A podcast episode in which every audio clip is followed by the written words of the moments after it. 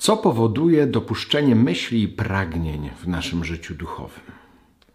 Ewagriusz mówi, zaczyna się wtedy bieg ku rzeczom, których dotyczą te myśli i pragnienia. Jeżeli mamy w sobie jakieś myśli i pragnienia, to zaraz za tym zaczyna się bieg ku rzeczom, które ich dotyczą.